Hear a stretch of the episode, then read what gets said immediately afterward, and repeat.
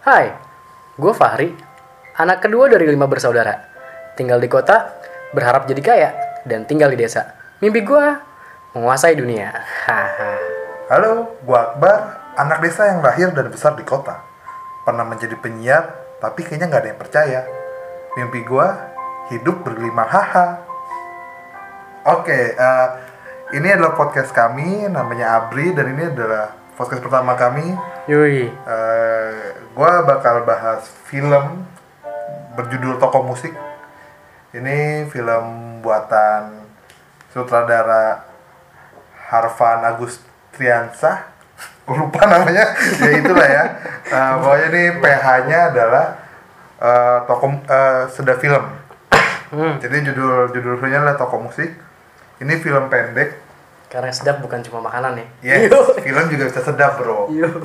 Nah ini judulnya tadi toko musik yang bercerita tentang anak muda tuli yang kerja di sebuah toko musik yang mau bangkrut. Wih, ah, waduh. Ah, agak kasihan sih. Kasihan tokonya atau sih? Tokonya udah mau bangkrut coy. Aduh, sedih. Nah jadi ini film eh, bercerita tentang anak muda tuli di toko musik yang kerja kerja toko musik sorry sorry dan kita di film ini bisa ngelihat bagaimana eh, anak muda tuli yang tentu saja tidak bisa dengar karena tuli Hmm, i- iya. Kalau Iya iya, iya. dong. Gak bisa dengar karena tuli. Iya. Iya dong, guys. kalau nggak bisa bicara bukan tuli namanya. Iya. Dia Gelagapan. uh, tuli yang selama ini nggak bisa dengar, yang, yang memang jauh dari musik, Apaan sih lu ini gak bisa dengar? jauh Iya. dari musik dan dia kerja di toko musik ya, otomatis banyak musiknya. Uh, Otomatis, banyak musik wah. bukan sih, Toko musik yang otomatis dia Ber- berhubungan eh, dengan suara. Nada. Nah, Iya, suara atau nada. Nah. Oke. Jadi premisnya itu dan dia berinteraksi sama pembelinya yang pengen gitar lah itu filmnya lu bisa tonton sendiri. Hmm, udah udah udah nonton gue tuh. Uh, ada juga di YouTube cari aja toko musik dan ada di Fitzy yang gue tahu Hmm. Nah. Jadi kalau pengen ke toko musik bisa ke YouTube gitu. Pengen nonton filmnya Oh cowok iya iya. bukan ke toko musik Iya sorry sorry. gitu jadi film pendek ini bercerita tentang hal itu dan kita bisa ya tahu lah tentang bagaimana sih anak muda tuli interaksi tentang hal-hal yang dia hal-hal yang dia dapetin di dunia pekerjaan nah, Oke, oke, gitu. ya. lu udah nonton kan Udah udah gua nih. gimana gimana gimana Narik narik. Eh sebenarnya eh, sebelumnya mungkin lu bisa Korek mana, bacain ini gak sih? Korek korek. Ini ngerok ngerokok ya? iya iya Nggak kelihatan juga kan lu ngerokok. oke Korek mana anjir? Korek tadi. iya deh iya deh lu ngomong dulu deh Iya, korek. Iya, oke. Eh, nggak, lu nggak bacain sinopsis dulu kan? kita tadi kan sinopsisnya anjir Oh iya, sinopsis ya. Ya, eh, kalau gue sih ngeliatnya film ini hmm, pertama menarik nih. Jadi kenapa akhirnya gue pengen nonton film ini? Yang pertama karena ceritain tentang orang tuli yang kerja di toko musik. Otomatis eh, musik itu kan berhubungan sama suara, nada. Dan orang yang beli, ya dia pengen eh, tahu kualitas dari si alat musik ini kan. Yes. Nah sementara eh, si orang tuli ini ditugasin buat milihin gitar-gitar atau mungkin ya drum atau apa yang bagus. ini gitar aja sih nggak ada drum sih Oh iya ya. Eh, Oh, kan gua- kalau nonton filmnya aku nggak ngeliat drum sih Oh iya. Waduh gue gak ada nggak ada nih. Yaudah ya pokoknya gue lupa sih. Pokoknya ada alat musik ya gitu. Hah. Nah terus menariknya eh apa namanya? Yang pertama dia bisa berinteraksi sama eh si pembeli ini bisa berinteraksi sama si orang tuli ini. Iya. Nah itu kan gue rasanya kayak anjir kok lu gampang banget sih bisa berinteraksi gitu sama sama orang tuli sebenarnya. Nah, nah terus juga gue agak agak bingung kenapa harus tuli gitu dipanggilnya. Padahal kan ya gue taunya dari dulu orang yang nggak bisa denger itu dipanggilnya tunarungu ya kan. Iya, dianggap sopan lah ya Iya sopan lah gitu kan. Kalau misalnya gue manggil tuli, ntar kayak terkesannya anjir lu ngejek gue apa gimana gitu kan. nah. Iya. Tapi malah di sini itu disebutnya sebagai tuli gitu. Yes, di sinopsisnya bahkan Di sinopsisnya bahkan tulis eh, kalau misalnya itu jadi eh, dia disebut sebagai tuli. Nah, jadi Heeh. eh, Lu sebagai orang yang eh, apa namanya berteman banyak Ah. sama teman-teman ini nih kan gue pengetahuan gue agak kurang nih. berteman aja sih gak usah berteman banyak seolah-olah gue ngeklaim cuy Iya ya. jadi Yaudah.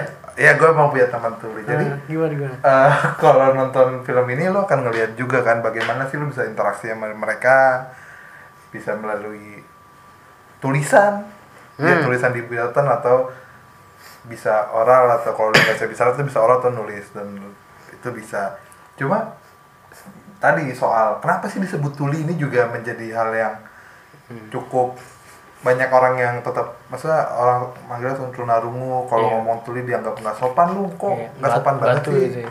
Nah, jadi sebenarnya nih kalau yang gue tahu gue ngobrol-ngobrol sama teman-teman gue itu Hmm. adalah eh, kalau tunarungu itu Hmm. Ter- adalah kata-kata dari istilah medis coy hmm hmm tuna artinya kurang hmm kekurangan hmm rungu artinya dengar atau pendengaran. Jadi tunarungu itu bisa diartikan sebagai kondisi di mana lu tuh kekurangan kemampuan mendengar.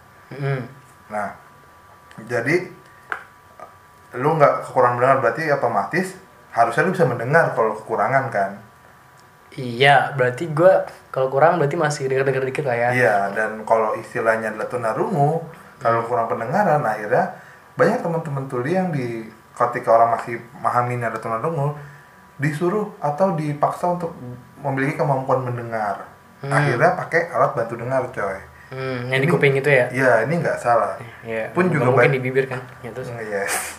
Dan juga eh, ada juga nih yang masang implan coy. Jadi operasi di operasi telinganya di ditanam implan pendengaran gitu loh. Gua nggak tahu apa namanya. Hmm. Tapi itu cukup berbahaya juga. Resikonya bisa kematian. Nah, itu tunarungu.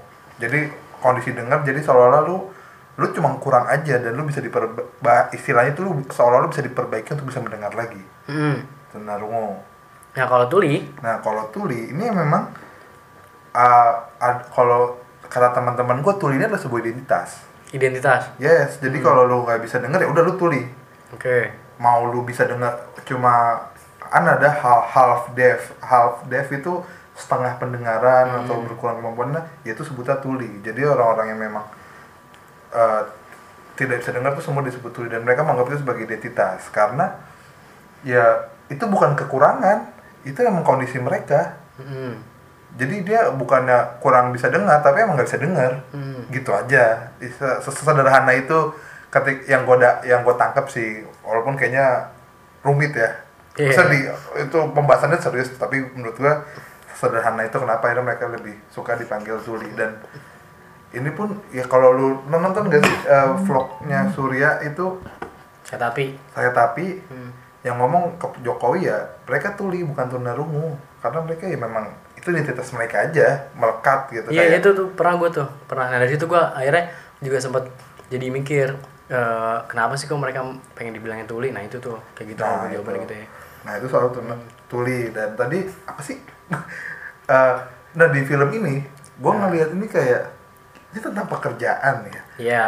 Kalau gue ngeliatnya ini kayak awal gue nonton kok pertanyaan gue adalah anjir orang orang yang nggak bisa dengar tapi kerja di toko yang berhubungan dengan pendengaran musik dong. Eh, menurut gue ini film cukup berani sih karena dia memposisikan po- apa menaruh orang tuli ini pemeran utamanya tuli ya. Jadi pemeran tokonya ini tuli dan emang tuli beneran. Hmm. namanya Movie Asta Mufida dia teman gue juga kebetulan. Hmm. jadi gue banyak sharing sama dia. Dan menurut gue ini berani karena memposisikan orang tuli bekerja di hal yang mendengar. Emang itu yang punya toko nggak ini apa nggak takut rugi gitu misalnya? Kayak kalau ada orang beli kan datang tuh eh mas saya mau beli nyari gitar yang ini eh, nggak fals lah gitu kan. Eh, itu bisa nyetem sendiri lah ya. Gitar sendiri Cuman, sih. eh, beli gitar yang yang kuat gitu. Goblok. yang kuat gitu kan. Nah. Yoi, terus dites tes gitu kan. Emang dia nggak takut misalnya ketika oh, yaudah mbak eh, tolong dilayani nih gitu kan terus nyata "Ih, kok nih orang malah nggak kok nih orang kerjain orang yang mau pekerjaan orang yang nggak bisa Dengar. dengar sih Nah. emang dia nggak kasihan gitu Iya. kalau misalnya dia harus eh, apa namanya ngelayanin orang-orang yang butuh beli gitar yang Hmm. berhubungan sama nada sama ini kan itu gue sempat mikir juga tuh kenapa sih dia sampai Tapi kan di di filmnya juga ada adegan jadi tok yang punya tokonya juga nggak ngerti musik coy Kacrut. Ya, Bangkrut maksudnya- iya sih goblok lagi yang nggak ngerti musik bukan toko musik Iya. emang. anyway tapi emang banyak yang kayak gitu orang nggak ngerti apa tapi buka toko apa gitu itu Iya. itu hal yang umum sih tapi poinnya adalah tadi ya to- orang tuli pun tetap bisa melayani juga dengan baik Hmm. dan akhirnya bisa ya tetap bisa komunikasi kok Hmm. Ya di situ juga dia komunikasi lewat kertas ya. yes kertas Nah, maksud gua ya nulis di kertas gitu. Dia mungkin karena emang nggak bisa bahasa isyarat kali ya. Mm-mm. Hmm, ya gue sih dulu bahasa isyarat ya gue pakai pas ini doang pas SMA sih pas SMA jadi pas gue ya biasalah perjuangan hidup Ah, ah. seorang siswa ya kan ya eh, tidak ingin orang tuanya itu sedih di ngomongin tetangga anaknya dapat nilai jelek gitu kan. Akhirnya trik-trik eh, bahasa isyaratnya gue pakai pas ujian ya kan. Oke. A yoi, Ah, jempol ke jempol. atas. C tunjuk sama jempol melengkung yoi kan. Goblok. iya keren kan? Nah, cuman tuh gue nggak ngerti nih eh, bahasa isyarat yang dipakai sama mereka itu eh, bisa dipelajari di mana sih? Dan banyak nggak sih orang yang eh, udah ngerti soal itu? Karena gua kan nggak familiar Nah, jadi kalau pengetahuan gua rata-rata orang tuh ketika ketemu tuli tuh pasti agak takut gitu coy hmm. jadi kayak kayak yang merasa asing karena mereka nggak yang orang-orang ini nggak bisa bahasa isyarat tapi sebenarnya kalau lu kenal sama teman-teman tuli ya udah lu bisa komunikasi juga kok kalau memang lu awalnya nggak bisa bahasa isyarat bisa tadi nulis di kertas atau pakai bahasa oral Hmm. Misalnya, lu ngomong aja tapi pelan-pelan gitu dulu waktu pertama kali gua komun Oh, interaksi kayak kayak kayak slow motion gitu Iya, bibirnya kayak, halo gitu pelan-pelan aja itu tidak menghina mereka hmm. Nah waktu pertama kali gue kenal mereka tuh gue takut coy Gue juga Hmm. takut kayak gue anjing gue ngomong apa nih ke dia ke mereka nih Tapi ya awalnya gue oral pelan-pelan Terus ya sekarang udah bisa lah sedikit-sedikit bahasa isyarat walaupun masih sangat sedikit Hmm. Dan kalau lu mau belajar sebenarnya ada tuh di Pusbisindo Pusat? Bahasa bisi, Isyarat bisi itu apa? Indonesia Bahasa isyarat Indonesia? Iya Hmm, ya kan. Jadi lu bisa latihan sana daftar Ah. Ya gue belum pernah sih karena kepenuh penuh terus Oh, penuh apa emang lo nggak punya duit nih? Iya dua faktor itu Atau juga ada nih coy Ah. eh, kedai kopi Hmm. namanya itu Koptul. Apa? Koptul. Koptul. Jadi ini kedai kopi yang dimiliki oleh tiga anak muda tuli foundernya. Wih, keren. Jadi ini selain bikin kopi, eh selain kita bisa minum kopi itu juga bisa belajar bahasa isyarat di sana atau interaksi langsung lah sama anak anak tulinya. Nah itu kalau maksud gua, eh, ini gua nggak tahu nih ya. eh, kalau misalnya di sana tuh, kalau misalnya pesan tuh juga pakai bahasa isyarat gitu apa enggak? Atau emang cuma pakai tulisan aja gitu? Bisa lu nulis, kalau lu bisa bahasa isyarat ya pakai bahasa isyarat atau kalau lu mau ngomong oral ya oral aja. Bisa kok tetap bisa interaksi santai aja. Menarik, menarik, menarik nih. Nah, di film ini nih yang gue cukup sorotin adalah gue ber, gue bertanya sih, wondering aja, kok kenapa harus anak tuli ini kerja di toko yang mau bangkrut gitu? Hmm. Ya mungkin fresh graduate pengen cari pengalaman bar. Bisa jadi. Bisa gitu kan? Hmm. Tapi itu di akhir tuh gue ternyata di akhir itu ya dia minta maaf tok penjaga apa pemiliknya kayak maaf ngasih gaji kamu kecil dan lain-lain dan menurut gue nih jangan-jangan banyak orang tuli yang kerja pun digajinya kecil juga coy Hmm, hmm. kasihan juga kan Ya bisa jadi sih. Nah, itu dan ya lebih banyak lagi mungkin yang nggak bekerja mungkin di sektor-sektor formal. Hmm. Maksudnya dia eh, banyak tempat kerja yang nggak ini nggak mempekerjakan mereka. Ya, yes, gue ada pengalaman. Eh mungkin aja mungkin karena memang mereka tak dia takut nanti kalau misalnya kerjaannya itu eh, terhambat atau apa gitu kan siapa tahu Bisa jadi, jadi. kan. Tapi nah, Nah, gue tadi tadi ada adik gue punya teman. hmm, Ini dia orang yang cukup keren menurut gue. Tuli. hmm, Dia pernah daftar kerja di satu perusahaan. Ini udah udah lolos nih seleksi berkas dan lain-lain lah. Tapi ketika di wawancara tuh sama HRD, kan otomatis HRD harusnya baca CV dong. hmm, nggak mungkin iya. dong HRD sebodoh itu nggak baca CV itu soal wawancara orang tiba-tiba Iya, ba- banyak sih tapi yang bodoh sih. iya dan yang gue ceritain ini bodoh Oh, ternyata waduh, Jadi, gila nih. goblok Hmm, lah bodoh bodoh jangan goblok kasar bodoh Ya terus terus. Ini Jadi- teman gue nelpon nih. iya Ya, lu nggak nggak ngangkat di sini juga anjir Iya iya. Halo, ayah, halo gimana? Hah? Gua di pasar Minggu, nanti gua ke sana. Lu di mana? Ke sana, emang lu di mana? Gue di pasar Minggu. Lu mau nongkrongnya berapa? Ya udah sih, jam segitu ya.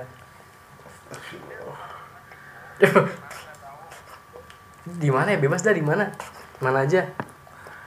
ini tetap jalan cok Oh iya. Ya, ah.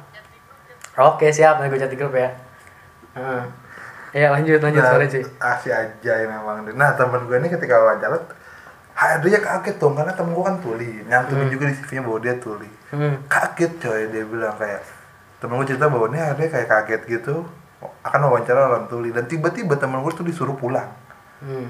disuruh pulang dan katanya akan dikabarin lagi tapi kenyataannya nggak ada kabar sama sekali jadi menurut gue cukup film ini cukup oke sih dalam mengangkat isu disabilitas terutama tuli di dunia kerja karena kalau kita melihat undang-undang ya itu ada undang-undang nomor eh, nomor undang-undang tentang penyandang disabilitas Hmm. tahun 2016 tuh ada poin yang mengatur bahwa perusahaan itu wajib mempekerjakan orang dengan disabilitas minimal satu persen dari total pekerjanya Satu persen. satu persen dan perusahaan negara atau badan usaha milik negara BUMN itu wajib mempekerjakan 2% orang dengan disabilitas dari total pekerjanya.